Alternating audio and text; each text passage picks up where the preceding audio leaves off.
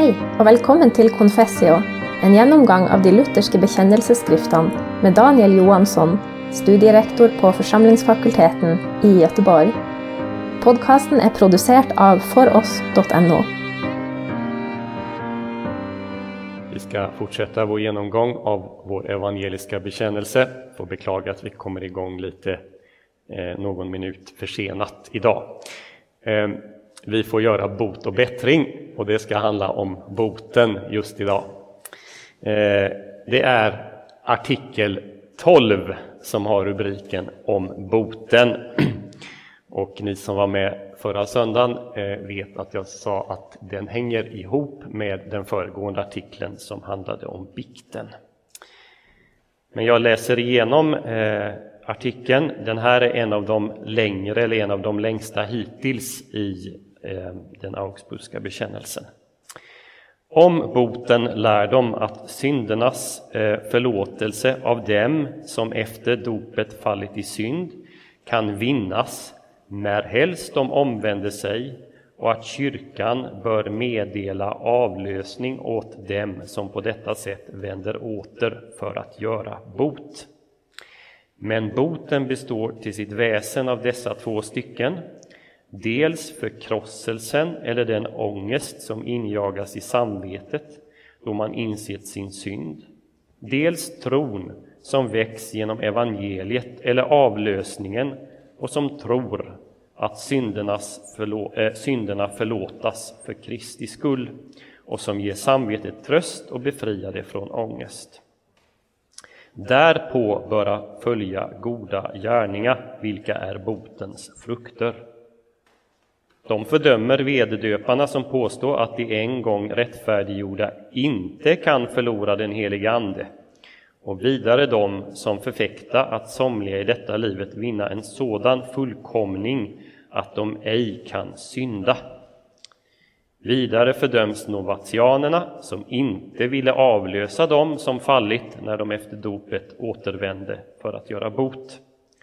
Även de förkastas som inte lär att syndernas förlåtelse erhålles genom tron utan ålägger oss att förtjäna nåden genom våra egna tillfyllestgörelser. Så långt eh, Filip Melanchthon.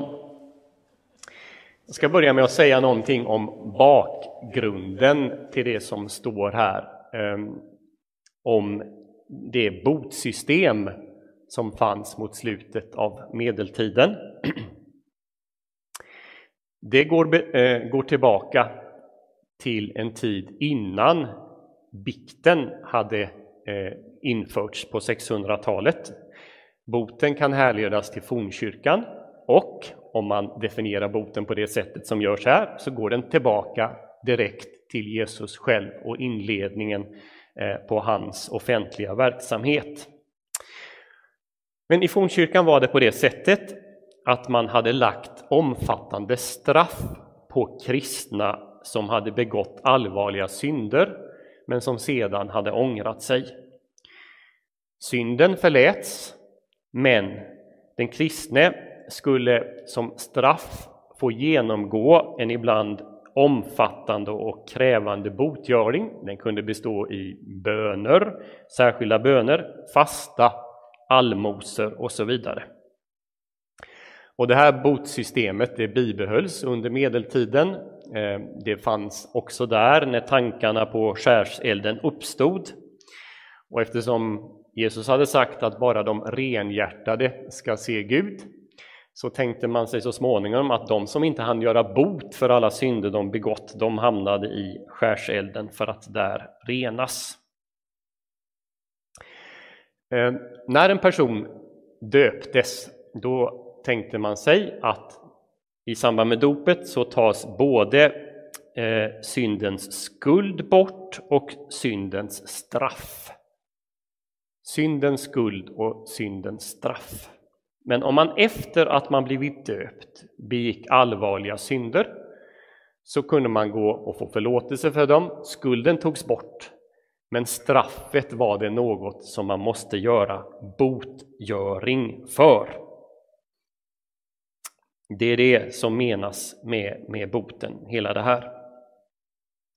Och eh, så småningom så eh, utvecklas de här tankarna så att det gällde inte bara för yttre straff, till exempel om man hade begått ett mord eller äktenskapsbrott eller något annat allvarligt brott, utan bara tanken på det här eller längtan eller, eller, eller frestelsen till det här eh, var värt så att säga lika mycket straff som om handlingen hade utförts. Och det var det här som ledde till att, att människor kunde få hundratusentals år av bot ålagda. Eh, det var så att med en, för varje allvarlig dödssynd man hade begått så ålade prästen sju år av botköring. Eh,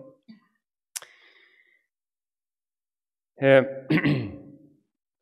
ja, det är mot den här bakgrunden som Luther skriver sina 95 teser och det är mot den här bakgrunden man också ska förstå den här artikeln. Och då är det eh, sex olika saker som tas fram i den.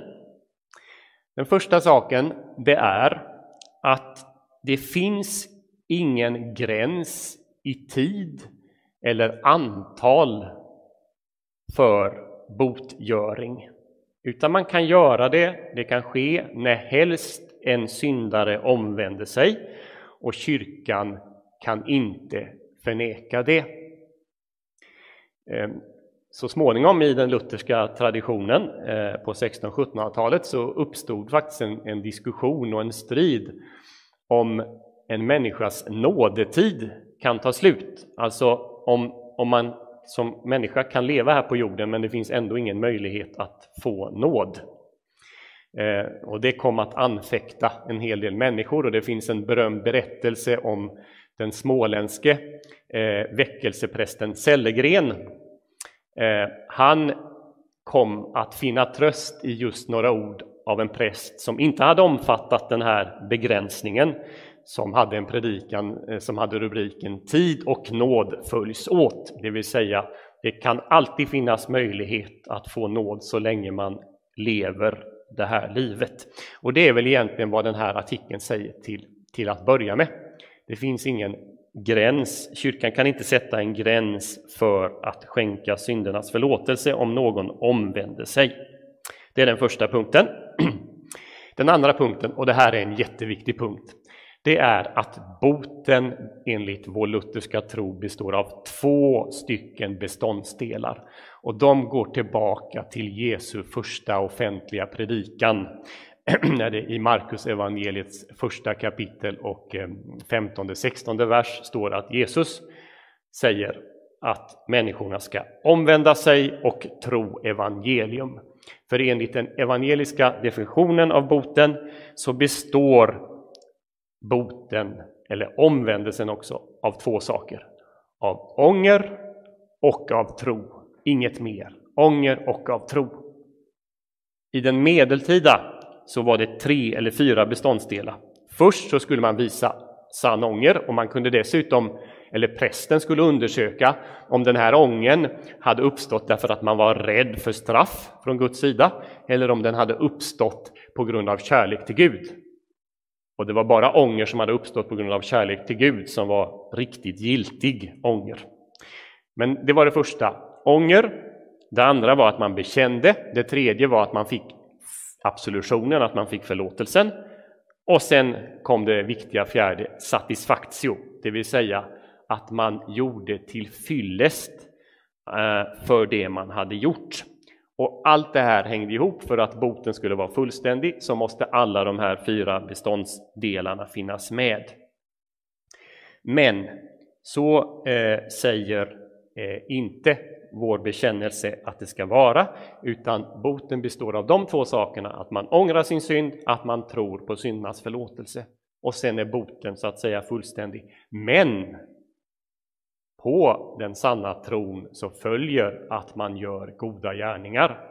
Och det är klart att om man nu har stulit till exempel så ålägger prästen i biktsituationen att den ångrande syndaren går och betalar tillbaka eller lämnar tillbaka det man har stulit. Men det tillhör liksom inte själva boten som sådan. Eh, notera också här att eh, tron kan väckas av evangeliet, står det, eller av tillsägelsen av syndernas förlåtelse. Man jämställer evangelium med syndernas förlåtelse och det är en viktig sak, för det sammanfattar det viktigaste i evangeliet, nämligen tillsägandet av syndernas förlåtelse.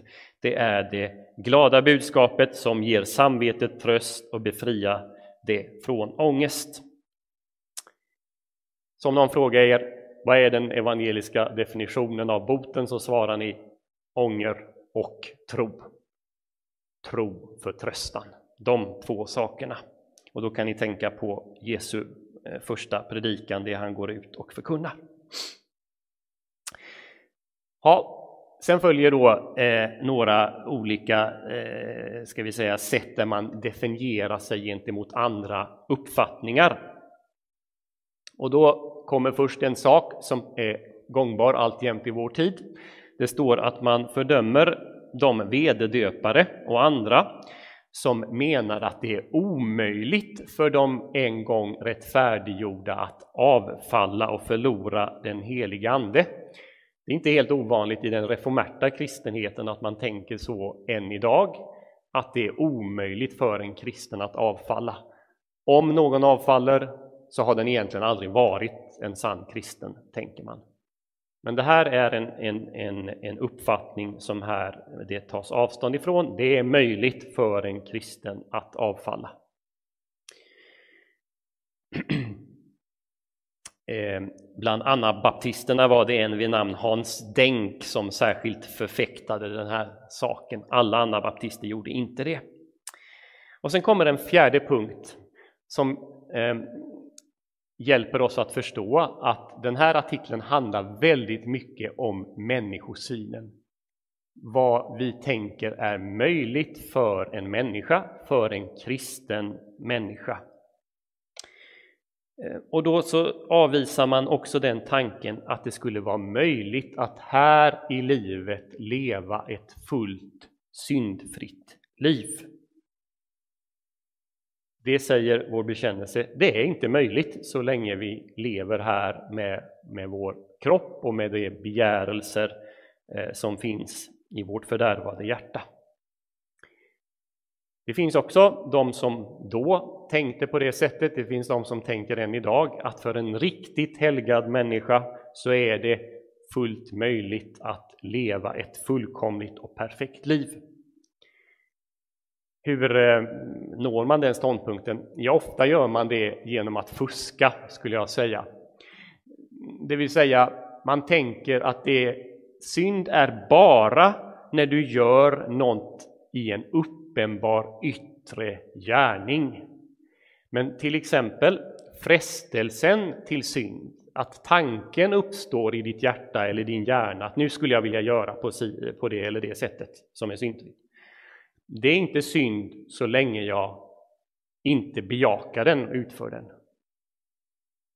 Men så tänker inte evangelisk luthersk tro, utan även själva tanken, själva ingivelsen är synd som kommer ur mitt hjärta.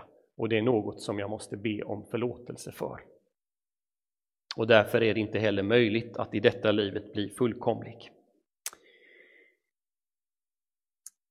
Den femte saken, man avvisar novitianerna, novatianerna.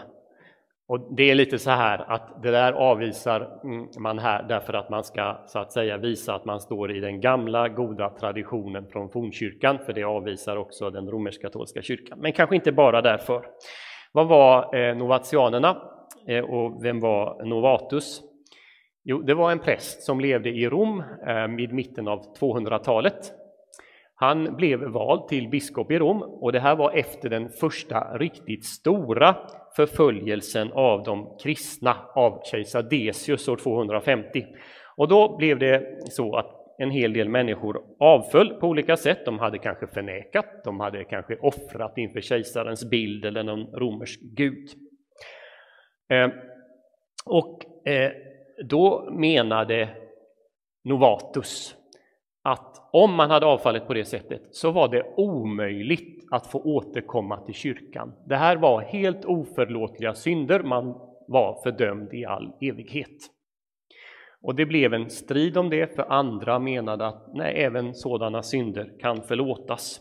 Och det här slutade med att eh, Novatus blev bara biskop för de, för de som själva kallade sig för rena. Och han och hans efterföljare blev exkommunicerade. Men det uppstod en novatiansk kyrka som, som eh, växte sig och spred sig faktiskt till alla eh, centrar i romarriket efter Novatus död. Eh, den här kyrkoinriktningen den var katolsk i allt utom just i sin syn på botgöringen. För man tänkte att hade någon begått mord så var det oförlåtligt, kunde aldrig förlåtas. Hade någon begått äktenskapsbrott kunde det inte heller förlåtas. Avgudadyrkan kunde inte förlåtas. Men vår bekännelse säger nu då i traditionen med den kristna kyrkan att även de synderna kan förlåtas. Och så kommer det den sista punkten och då är det då det riktigt bränner till här. Även de förkastas och det här är den samtida romersk-katolska teologin.